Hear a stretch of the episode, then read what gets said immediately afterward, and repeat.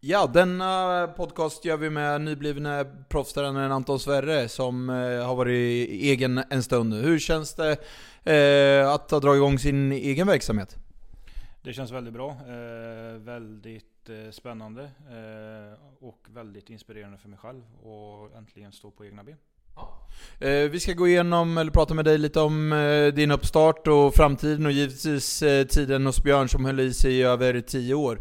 Eh, ja, det blev en eh, känslosam eh, första seger här. Eh, och man, jag som har känt det ett tag, det gick verkligen att ta på känslan när Manolito vann eh, på eh, Arvika.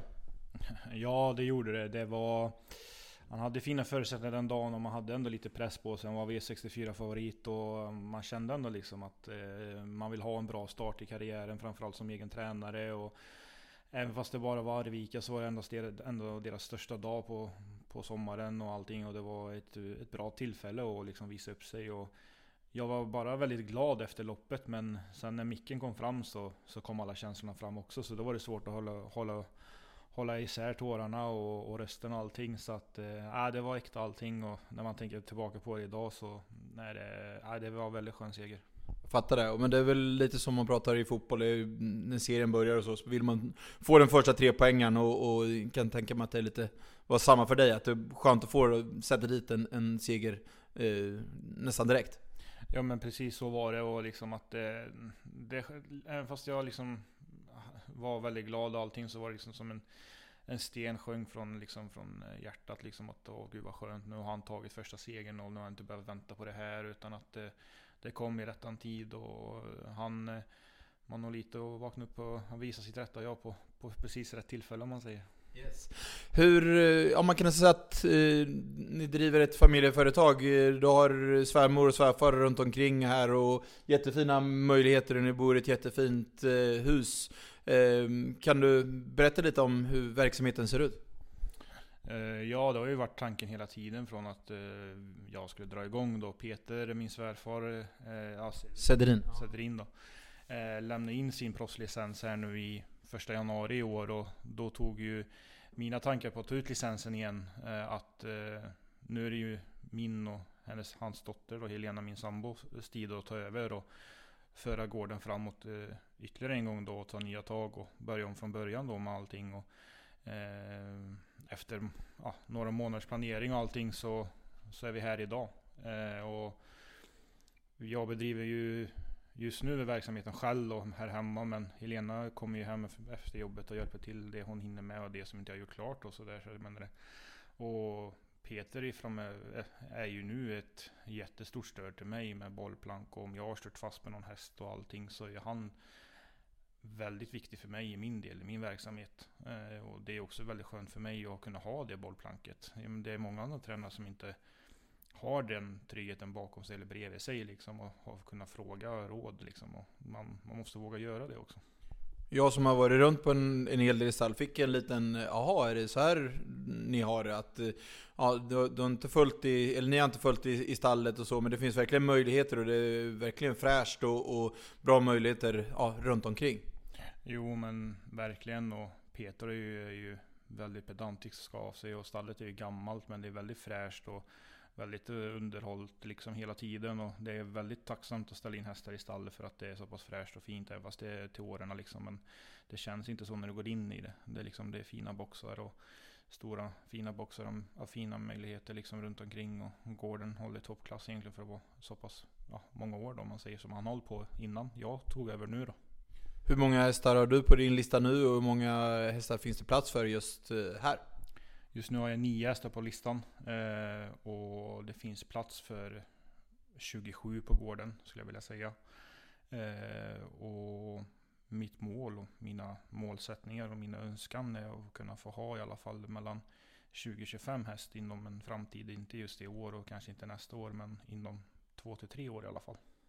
Hur eh, möjligheter att träna, vad har du för... Eh, är det någon rakbana eller är det någon sambana eller hur ser det ut där? Jag har faktiskt eh, bra förutsättningar tycker jag själv. Jag har en rakbana på 800 meter. Jag har en sandrundbana som är cirka 650-700 meter lång. Och den har ja, en stigning på varsin sida av, av i svängarna då, så att det är både uppförsbacke och nedförsbacke i den banan då. Och sen har jag en skogsslinga på cirka 6 km. Eh, det är det jag har här hemma på gården då. Och sen ska jag åka ner och köra lite tuffare jobb och något rundbanejobb så åker jag ner till Färjestad. Dit tar det ungefär 20-25 minuter att åka med transporten. Låter väldigt bra.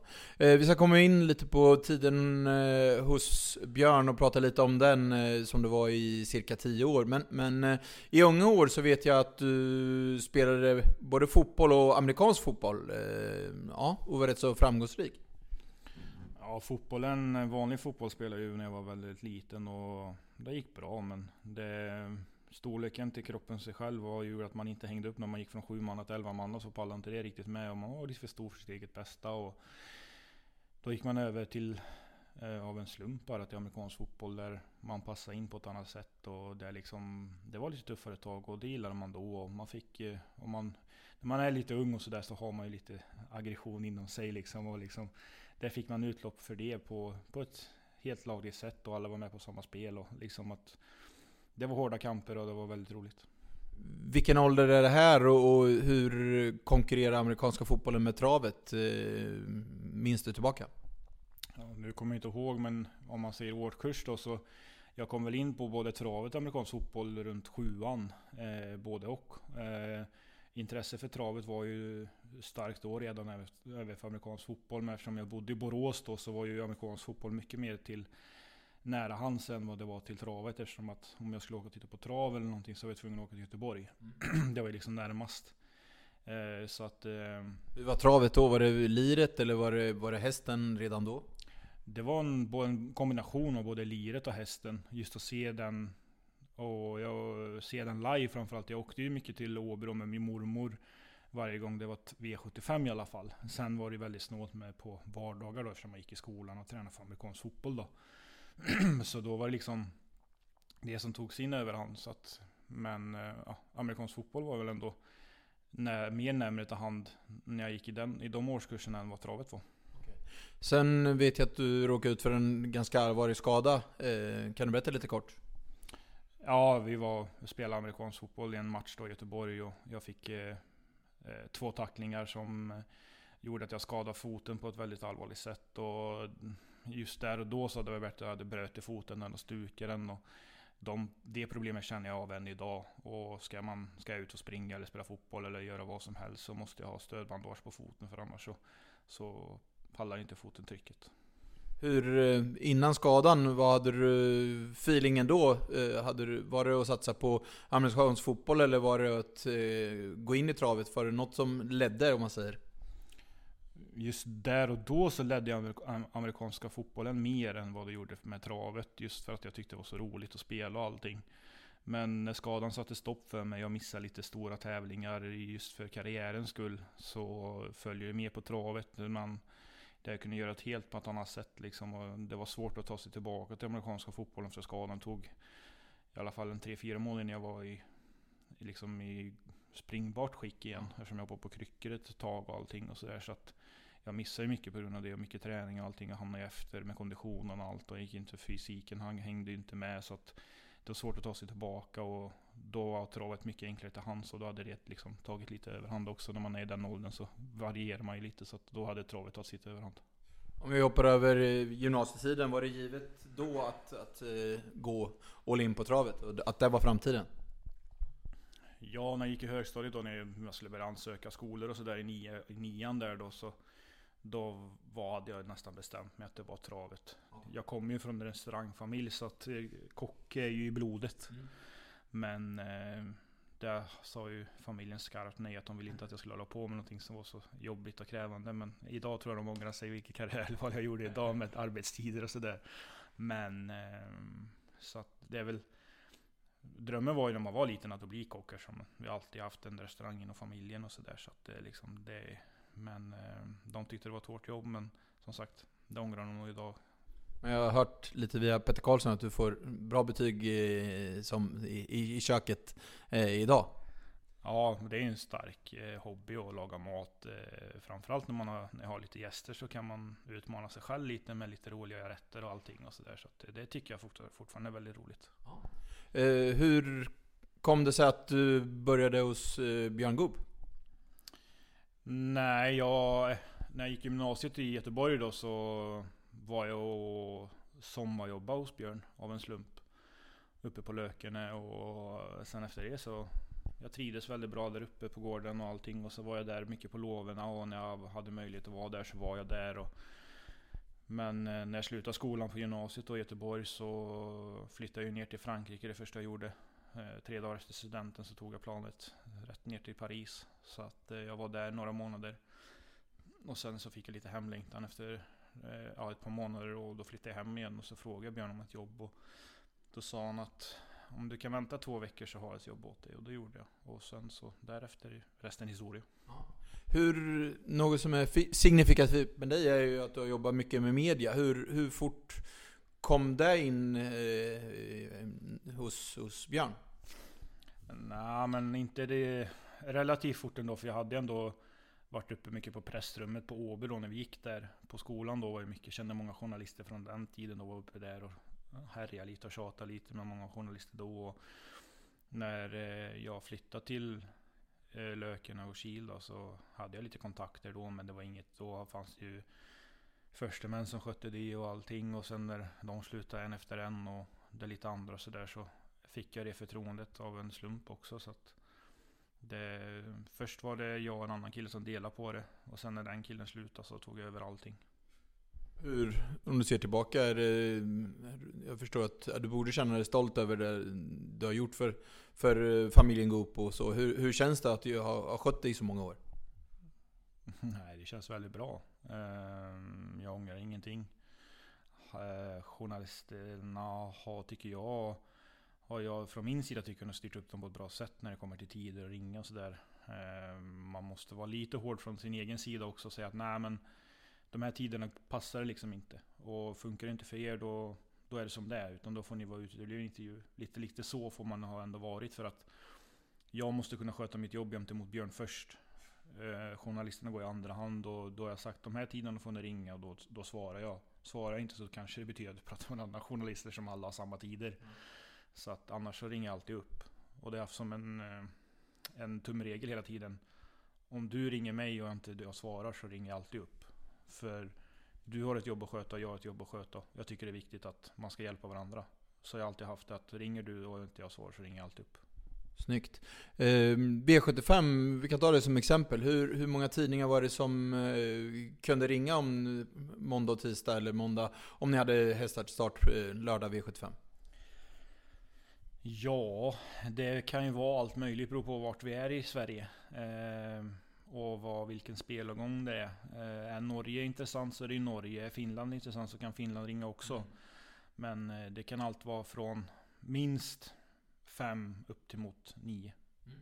Och det är inte bara tidningar utan det är ju liksom sajter också. Jag vet exempelvis eh, Anders på guiden, eh, du och han hade en ganska tajt relation och, och eh, byggde upp en relation. Eh, är inte det att föredra att, eh, att man eh, lär känna en på varje företag så att säga?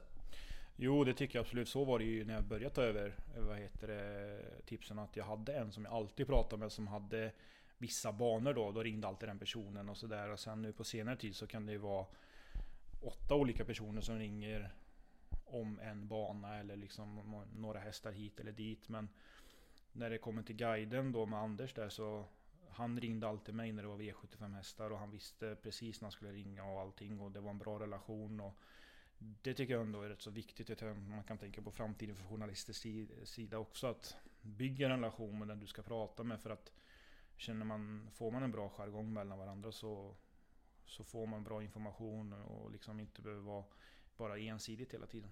Absolut. Eh, hur kan du ha koll på, på eh, huvudlag och balans och, och, vagn och så vidare? Har du någon form av fotografiskt minne eller hur, hur är det bara allmänintresse eller hur, hur, hur funkar du? Nej men jag... Som ändå 156 hästar såg jag på Björns lista idag. Ja, men som då så var det ändå att man var engagerad och jag ville ändå göra ett bra jobb från, gentemot mig själv också kontra till journalisterna. Och då var det ändå att jag tittade i princip på varje lopp vi hade en häst som startade. Eh, sen är det ju så när du har haft de här eh, åren på dig att lära hästarna. Och sen är det alltid svårt för mig när det är lite nya hästar. Men jag brukar ha sagt att har de startat en till två gånger så brukar jag kunna dem. Och eh, sen är det liksom det är ändå intresset tror jag som tar över och man kommer ihåg saker. Och det blir att du ska komma ihåg en häst att ja, men nu gick det med det och det och sen kan det bli så här och det och det och sen gäller det att liksom vara lyhörd i stallet då som det var hos Björn att prata med skötarna och, och sådär om det är någon ändring på gång eller om det är Ska ni göra, ska ni göra så nu eller hur blir det liksom? Och liksom vara lyhörd liksom och, och, och prata med folk liksom. Så att det var liksom ett, ja, ett stort intresse egentligen. Mm. Ja, det var nästan min nästa fråga. Hur jobbar ni med framtida ändringar? Och jag förstår ju att det kanske är lättare ja, numera när det står vilken vagn och vilken balans på, på ATG-sidan, man kanske anmäler det. Men, men eh, du har ju ofta rätt på, eh, även innan det, jag som har haft kontakt med dig, vilken form av, att ni skulle göra någon ändring. Eh, kollade du med Björn eller hur, hur, hur jobbade ni i Stallgop med framtida ändringar? Alltså jag tror aldrig jag och Björn har pratat en enda gång om någon ändring. Förutom de hästarna jag hade själv om passhästar. Att ja men nu kanske vi ändrar det här eller det här. Men annars aldrig. Du är synsk? Nej men du får ju ändå en känsla. Ja. Eh, liksom när han anmäler en häst. Om vi tar en häst som till exempel som har gått på eh, vardagstravet och så ska vi ut på V7. Då kan man tänka sig själv, okej okay, ja, men nu kanske det är på gång lite barfota. Och kanske ska växla upp huvudlaget lite. Eller om vi ska sätta på en jänkarvagn eller någonting. Och liksom att man får sätta in sig lite i Björns roll själv. Att liksom man, ja men nu kanske han tänker så här eller så här. Sen är det ju väldigt tacksamt generellt sett att eh, Björn vill ju aldrig ha jänkarvagn i voltstart. Så det var egentligen väldigt skönt att veta att är det volt, då är det vanlig vagn. Mm. Är det auto, då kan det vara både och. Men generellt sett alltid volt, alltid vanlig vagn. Så det var ändå en, en bra tumregel. Och det sa jag alltid till journalisten att eh, har han anmält med jänkarvagn så blir det inte det. Mm. Utan det blir vanlig vagn för att vi använder aldrig jänkarvagn i volt till exempel. Och, och sådana där saker. Och sen är det som sagt som man återkommer då egentligen till intresset. Att, liksom att du får vara med, du får titta. Eh, du ska liksom Sen får man ju chansa lite ibland och sen är det också lätt för mig att veta om du ringer mig två dagar före en häst ska starta eller om du, än att du ringer mig sju dagar före. Mm. För att då kan det hända så mycket på de här fyra, tre, fyra dagarna. Vi har kört ett jobb med hästen. Vi ska balansera om eller vad ska vi göra med hästen? Och och sådana där saker. Ehm, det är därför jag kan alltid tycka att om som intervjun samma dag som ATG Live gör är mycket viktigare än vad texten står i som i guiden eller i travronden eller någonting. För att det kan hända så mycket på de här dagarna. Är det något eh, klartecken genom årens lopp som eh, eller som någon specifik info som du är väldigt nöjd med? Jag har ett förslag om du inte kommer på. Ja men det har ju varit några sättningar om åren. Det kan jag inte säga. Eh, man har ju varit med själv någon gång också och spelat sådär för man vet att ja, men den ger nog bra odds. Men det som har varit lite tråkigt med det hela är att Står det Björn Goop i en startlista får du aldrig bra odds. Eh, generellt. Men eh, den du tänker på den fick vi väl en 35 gånger på. Så att det, den, eh, ja, den, det var en bra sättning. Ja. Eh, om... Eh, ja, den här som jag tänkte på, det var ju Cruise när den vann på Mantorp. Jag vet att vi på eh, Travtjänsten hade rankat hästen ganska långt ner. Och, mm, ja, det var ryggledaren och, och sen svarade hästen och, och vann på, ja, jag tror det var nästan, nästan 35 gånger. Ja, det var någonting sånt. Men eh, ja, vi pratade ju först och du, jag sa till dig att ja, men vi körde, det var ju precis ett sånt exempel. Vi körde ett jobb två eller tre dagar före start och han var sådär riktigt, riktigt fin och Björn var sådär fruktansvärt nöjd med honom liksom på ett konstigt sätt som liksom att Ja men Björn kommer åka ut med en bra känsla med den här på lördag. Och liksom att, eller vilken dag det nu var, jag kommer inte ihåg. Men, eh, och då kände jag, ja men fan det är en rolig. Han kommer inte bli spelad mycket och, och sådär. Så jag gav den till några kompisar, bland annat dig och några andra och sådär. Så att jag menar, jag sa jag har spelat en slant för jag tror det kommer ge bra. Jag menar, det var tacksamt. Var många och jag vet att många hade ju med på V75 och det var ju många som fick han till 3-4% tror jag. Det var väl sista också tror jag? Ja, ja. precis, precis. Så att det var... Rensar extra med skräp. Ja men det gör, det gör ju det. så att, eh, ja det var ett bra exempel till exempel. Sen så eh, vad hade vi annars då? Det är ju många, så man kommer inte ihåg genom alla åren. Det är liksom Men den, den är ju närmast i tiden om man säger. Yes. Eh, vi ska lämna björntiden och, och, och gå på din egen verksamhet, men eh, jag satte ihop ett litet eh, eh examensprov nu när du har lämnat Björn och, och jag, jag skryter upp det här att du är vass på att komma ihåg hästar och så. Så jag satte ihop eh, fem hästar eh, som finns med på Björns lista som är 156 hästar i, i eh, nuläget. Ehm, så jag gör en liten beskrivning och sen ska jag se om du kan pricka in vilken, eh, vilken häst det är. Är du redo? Ja, jag ska göra ett försök i alla fall. Yes. Börja med första då. Eh, den har varit hos eh, tre olika tränare. Inte vunnit hos Björn än. Ehm, bruk, eh, barfota bak brukar den tävla hos Björn. Den har 37 i segerprocent och tjänat nästan 8 miljoner kronor. Ja, diamanten. Diamanten. Ja, snyggt. Där har du ett rätt. Eh, börjar, börjar lite enkelt här, så vi, ni får gärna vara med, ni lyssnare också, och ja, gissa och, och tävla lite grann. Det, häst 2 eh, tävlar eh, nästan eh, tävlar med skor. Floppade då han gick barfota runt om, enda gången eh, som den har gjort det i karriären. Haft tre olika tränare. Eh, du har gett klartecken på den här hästen ja, till mig, den vann faktiskt på Valla då. Eh, Björn och Carl-Johan Jeppsson har kört hästen i Björns regi. Ehm, ja. Fortnox. Snyggt! Nu höjer vi svårighetsgraden lite grann. Eh, häst 3, inte tävlat med bike, sparsamt eh, barfota bak, poletten trillat ner, den har tre raka i nuläget, trivs bäst med tätkänning. Mm, den var lite svårare. Det var inte så mycket info att gå på. Eh, tre raka nu, bäst med tätkänning. Lite stänkare. Tre raka vet att du sa en gång när den startade på Örebro att jag tror han kommer syna fram i döden. För den, har, den har lite... Eh, den har... Eh, den är lite stänkare. J Stitch. Snyggt. Tre av tre. Eh, fjärde hästen. Eh, häst som många mjölkat balansinfo från dig om, kan jag misstänka. Bara åtta segrar i karriären, trots det ett miljonär. Eh, när den här hästen står där och har tävlat i vanlig vagn, men man kan ändå säga att det kanske inte var vanlig vagn i början av karriären. Lite... Oh. Åtta segrar genom åren bara. Otroligt viktig när den går med skor så känns den kall som spelobjekt. Och den här vanliga vagnen som jag pratade om, det kanske var någon form av sparkvagn. Ja, då är det Ribot. Ja. Snyggt! Nu, fick jag, nu hjälpte jag lite, nu ska jag vara lite tuffare på sista. Eh, barfota bak. Eh, tre sista starterna har hästen tävlat i bike, tjänat lite över en halv miljon. Dock ännu ingen seger i karriären. Bike på slutet, barfota bak. Vad sa du mer? 530, 500? 530 000. Ingen seger i karriären ännu. Walla Walla Broline. Snyggt! Fem av fem. Vill du ha en... Eh, Walla Walla Broline tog jag av en anledning. Ja, det är ju en av mina gamla passhästar som eh, var väl den hästen som var mest svår att lämna bland annat. Det fanns den och så en till som var väldigt eh, nära hjärtat. Och jag har en del historia, jag har den där hästen. Och hon har gjort sig hamnat på lasarettet och genom med det fjärde. Så att det, det finns mycket starka band till henne. Och, eh, nej, så det... Nej, det, det syns synd om vi får vunnit loppen för det, det är en fin häst. Vill du stanna på 5 av 5 eller vill du ha min bonus? Sätter du den här, då är du nästan lite sjuk. Ja, kör du. Ja. Vi kör bonus då, du har ändå full pott. Men eh, den här är svår. Eh, runt om, de, barfota runt om de tre sista starterna. Bike, två av de tre senaste starterna.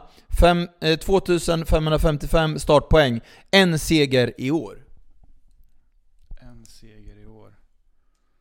Du säger mycket den att tjäna så kanske jag tar den. Nej, det får du inte. Det var ju... Du har satt 5 av 5, men den här är svår. En seger i år. Två fem i poäng. Hur gammal är den? Inledde förra året så hade den tre segrar. Ja, men det, hur gammal är den? Det kan jag inte säga, då, då blir det för enkelt. Nej, då kan jag inte. Det är Primrose, ja. Mm. Ja men det var... Det var mycket väl godkänt, eh, vårt lilla test. Men nu lämnar vi björntiden och eh, eh går över på din egen verksamhet. I somras drog du igång. Eh, hur länge har du tänkt eh, på, på den saken? Ehm, ja men det är en målsättning som jag haft eh, sen jag gick ut gymnasiet på travgymnasiet då. Att eh, jag har alltid haft min målsättning att bli egen travtränare. Eh, och för några år sedan då började jag gå kurserna för att kunna bli egen. Eh, och det är de sista två till tre åren som verkligen kliat i fingrarna och bli egen. Eh, men tack och lov så har jag haft en väldigt bra sambo som har sagt att ta det lugnt, ingen stress, det kommer din tid. Vi gör det när det finns rätt tillfälle. Och, mm, så hon har ju verkligen hållit i handbromsen för mig. Liksom. Jag tror det har varit väldigt bra också. Eh, för hade jag startat igång tidigare så kanske jag inte hade varit så förberedd som jag är idag. Eh, med, med utrustning och, och kontroll på läget när det kommer till gården. Och lärt mig mer om gården som jag är på nu då. Och, och sådär då. Så att, just att jag har tänkt på det och gjort det väldigt länge, i många år. Så att, eh, att det blev just i år, det, det, det finns inget riktigt bra förklaring. Utan det kom ett, ett rätt tillfälle. Hur är känslan att du... Nu har du nio hästar va? I, på, på din lista och, och Förr kan man vara iväg på stortrav, Elitloppshelgen och så. Jag hoppas ju givetvis att du får hästar som duger i de sammanhangen. Men nu har du varit på lite mindre banor. Hur känner du för det? Är det någon, eller är du bara glad att du är igång och sköter det på egen hand? Men som, så här i början så är jag bara glad att jag är igång och jag har några sta någon start här som visar upp mig lite vem jag är och hur hästarna presterar och allting. Och jag har fått en lite smakstart med, med två segrar på fyra starter eller, vad, eller, eller någonting, eller fem eller vad det är. Så att jag menar, det, det har ändå börjat bra och, och sådär då. Så att, eh, sen det är klart att målet är ju att man ska kunna komma dit till de här fina dagarna och allting. Och det ska komma lite underifrån så man kan få åka på de här fintravet igen. Och det är klart man kommer sakna kanske att man har en väldigt, väldigt fin passhäst som man eh, kanske ska vara med i något lite större lopp i något årgångslopp eller någon större V75-final på Valla, en Elitloppshelg eller och sådär då. Men eh, jag har ju målsättningen att jag ska kunna komma dit själv. Mm. Är det någonting som du känner nu så i början att du kan ta med dig, eller man ska väl aldrig kopiera någonting, men från, från Goop-tiden som, som du har tagit in i din verksamhet? Det finns väl allt, alltså jag är ju präglad av både Björn Olle och, och Håkan Arvidsson som har liksom hjälpt mig väldigt, väldigt mycket. Och det är liksom, det får man inte, det kan jag inte dra, säga något annat ifrån att jag är präglad med det, men sen har man ändå tagit sina egna idéer och så får man ju ta sina förutsättningar som man själv har på sin gård och liksom göra det bästa av situationen. Och sen så eh, försöker jag ändå, jag tränar ju mycket mängd med mina hästar och jag vill liksom då tänker jag vad är som passar bäst för den här individen som jag har nu och jag har liksom lite olika möjligheter och, och liksom och jag kör hellre lite mer men lite mer långsamt och, eh, och det är väl så vi har gjort på löken också på de senaste åren och det har ändå gett bra resultat. Yes. Eh, vi var inne på media förut. Jag förstår att det ringer en hel, mycket, mycket mindre nu när du inte har någon mediekontakt och Scoop. Hur, hur är känslan och feelingen kring det? Jag som har känt det en stund känner, känner på, jag vet inte, du får rätta mig om jag har fel, men jag känner att du är mer lugnare och, och ska, harmonisk. Du får tolka det hur du vill, men att du, du, har, du har förändrats lite som person. Så upplever jag det. Jo, men det är ju en helt annan vardag nu. Eh, förut så var det liksom, ja, man, jag gick upp fyra på morgonen, åkte till Lökene, jobbade där. Jobbade där till mellan tre, fyra på eftermiddagen, åkte hit, hade mina fyra hästar på eftermiddagen och så var det sen kväll där och så var det journalister däremellan och det var kanske någon startest på Solvalla eller jag skulle till Åby eller Örebro eller Färjestad eller vad som helst och det skulle alltid passa bra att man skulle köra hästarna hemma och jag fick lägga upp hela min träningsupplägg efter vad jag har på löken liksom, som att det var prioriteten då. Och då blir det lite mer inre stress att man ska hinna med allting. Man vill att allting ska bli bra från båda sidor. Och förut har det varit att man har haft jag har haft 100% på löken och 100% hemma och liksom att nu har jag bara 200% hemma.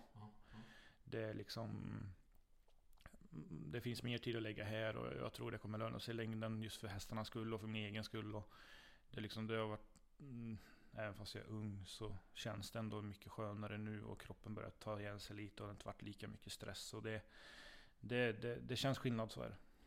Mycket tid, men då är det en gräsmatta som kräver lite tid. Vi, vi tittar ut över den nu. Det, vad tar det att klippa en sån, sån här eh, jätteyta? som tur är så har jag en åkgräsklippare, men ja, mellan två och en halv, tre timmar tar det att klippa den här som, som jag vill ha den i alla fall. Det går bra nu?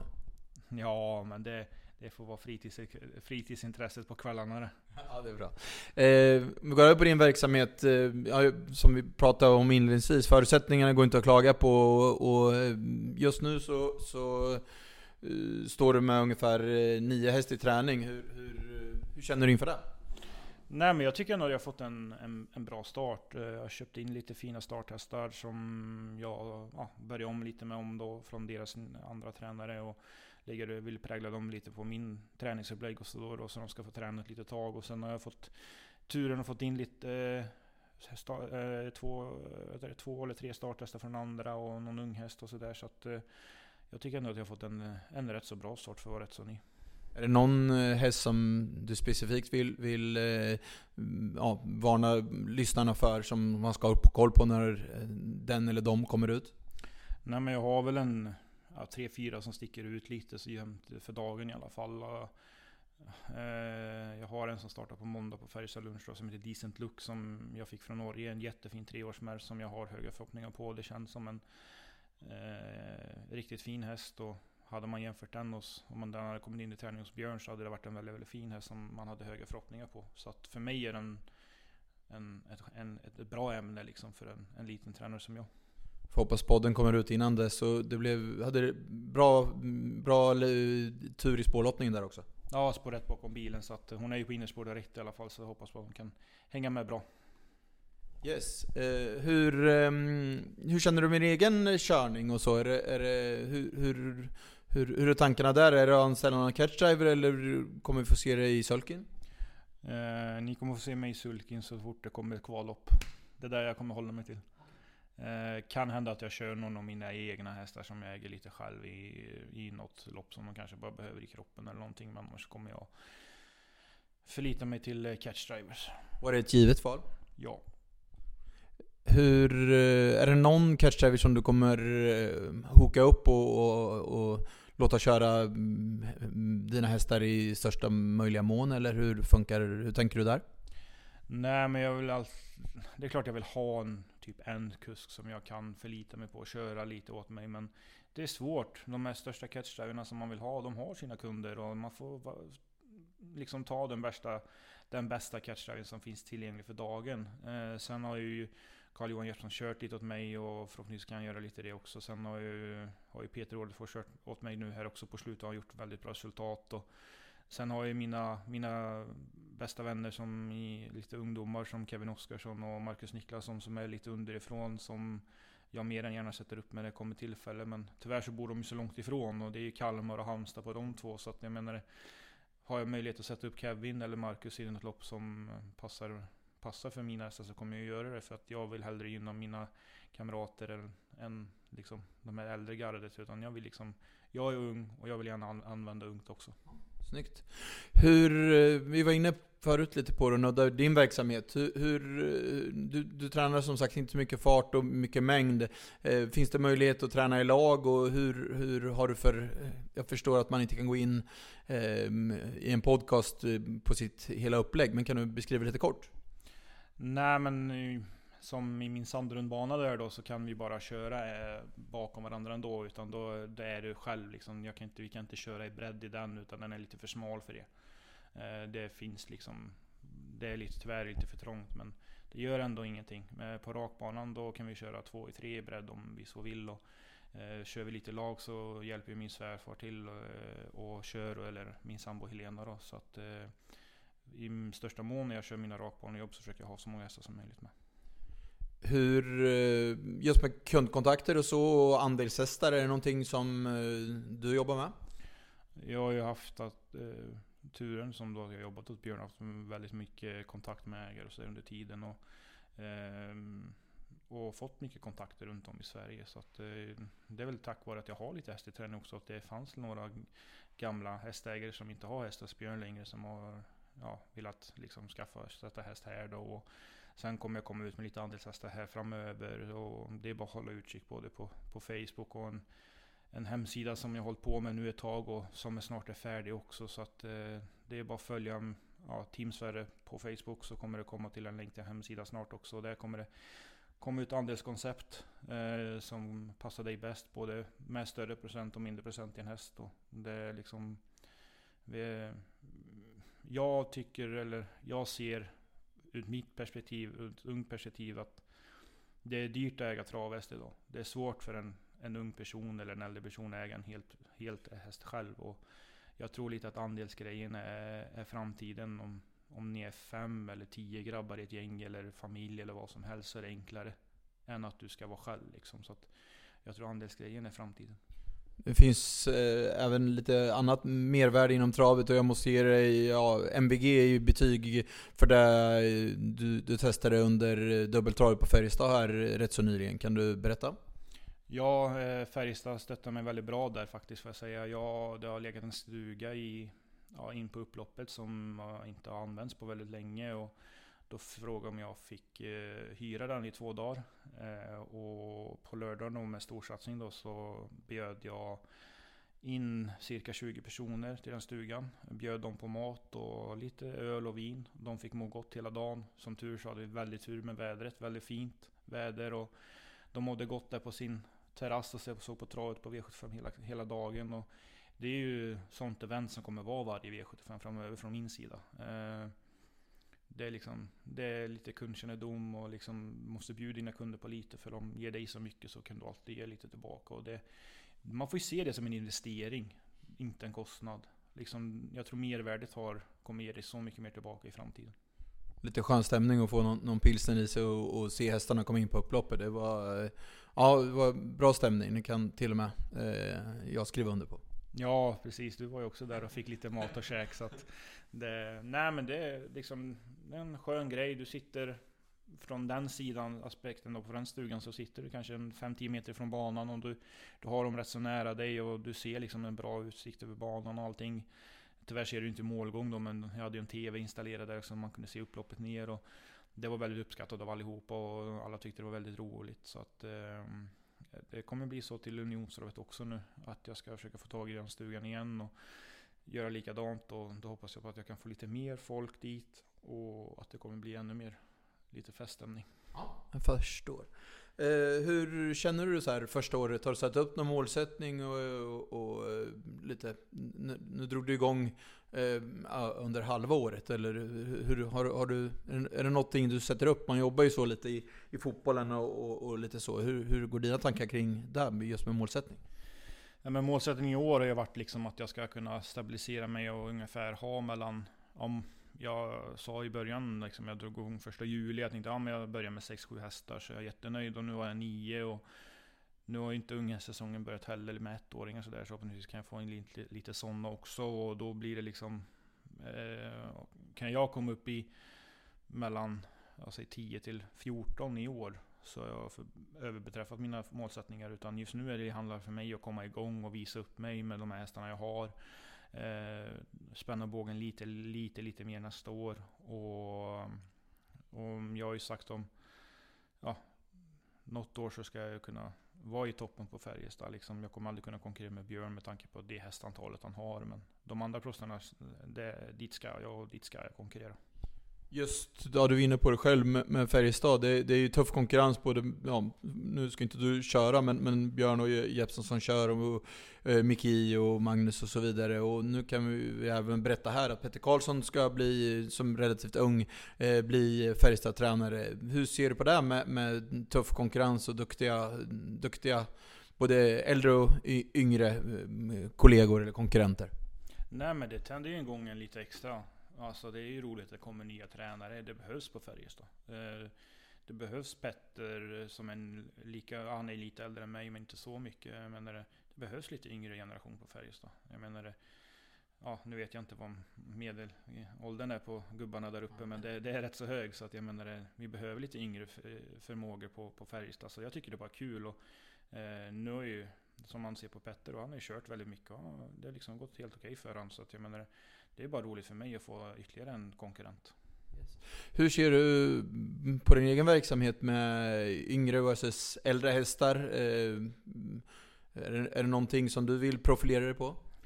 Nej, utan ju, inte speciellt just nu. Just nu tycker jag det är viktigaste för mig att synas. Och för mig har det varit viktigt att få in starthästar och försöka synas så mycket som det går där ute på travbanorna. För jag menar, syns man inte så finns man inte. Och unghästar finns, all, unghästar finns alltid att köpa varje år. Och utan just bland mina mål i år, just i år då, det är liksom att få in få in så mycket starthästar som möjligt för att liksom få igång verksamheten och visa att man finns. Och går det bra på, ute på valen då generellt sett så brukar det generera att man får in lite mer häst i träning. Och, och då kanske man kan få in någon bra ägare som kanske vill satsa lite yngre och då får man in en ettåring istället då nästa år kanske eller till exempel och sådär. Så att det handlar ju väldigt mycket om att synas. Framgång föder framgång. Det är ju så.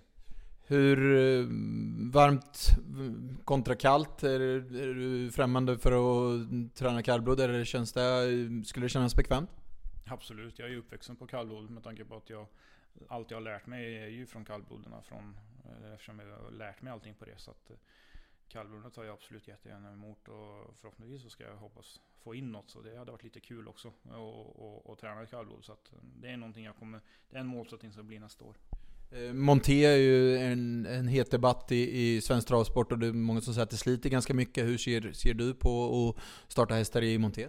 Pass, tycker jag att hästen passar i Monté och den behöver nytändning eller, eller att den inte, kanske inte eh, liksom fungerar i, i sulken så ja.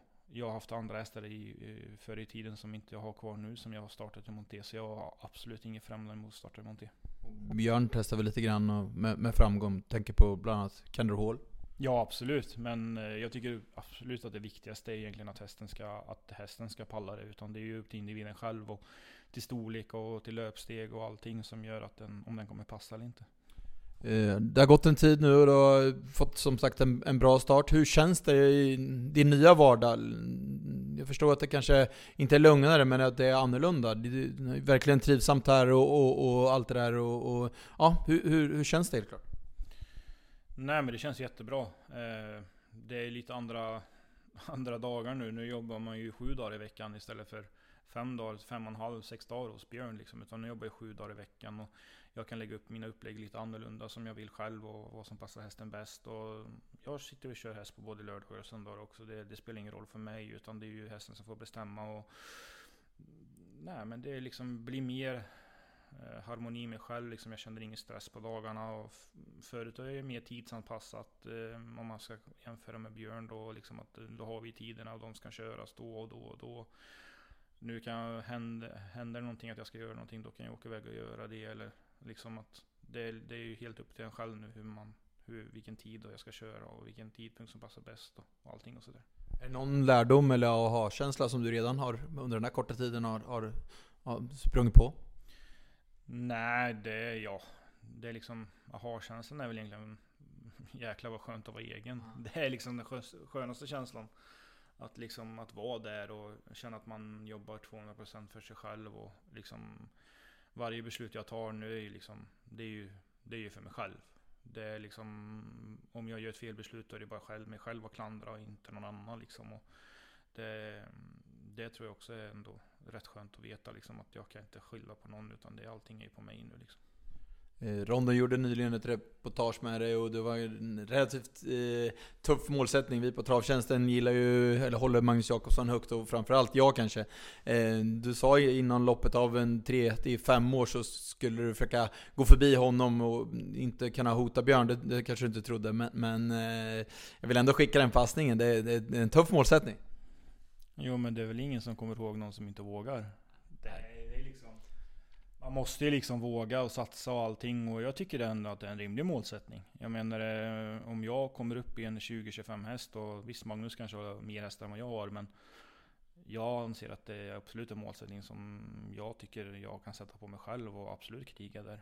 Jag menar, eh, ja, jag kommer aldrig kunna konkurrera med Björn men topp två, dit ska jag var lite med glimten i ögat. Vi har haft den jargongen med... med. Jo, jo, jo, så är det ju. Det har vi haft länge men det, Men eh, det är ju skämt åsido så det är liksom det är en målsättning jag har och det är liksom det är dit jag vill. Sen om jag kommer dit eller inte, det är en annan sak. Men en av mina målsättningar och mina drömmar är ju att komma dit och liksom kunna verkligen kriga om det. För jag menar det, jag tycker ändå det är rätt så viktigt. Jag hade ju, jag följer på målsnöret att bli tränarchampion på Arvika i år. Och liksom, då är jag liksom nybliven tränare. Jag åkte på att en, jag var femma i ett lopp och den andra var fyra. Mm. Så att jag menar, ändå är rätt att ta en tränarchampion-titel redan i år. Så att det tycker jag ändå jag var rätt. Jag var jävligt sur här i några dagar för det, men det, det får man ju bita ihop. Jag varit slagen av Robert Berg liksom. Det, mm. det, det är liksom, det får man ju bita, bita ihop. Er som blir slagen av honom? Jo, men det är liksom, man får ju tänka efter liksom. Jag har, hade 7-8 hästar då och han har 200. Mm. Så att jag menar, det, det tycker jag ändå jag var rätt, rätt så roligt att kunna kriga om. Om vi ska avsluta med här och du var inne på det själv om att få drömma. Hur, hur, hur, hur ser din verksamhet ut om, ska vi säga, fem år? Om fem år så hoppas jag på att jag har runt 25 häst, eh, två anställda, jag och två till. Och har... Du är kvar här? Ja. Det här stället kommer krävas mycket för att jag ska lämna. Det är liksom... Om ska det hända någonting så kanske jag kommer bygga någon bana i så fall.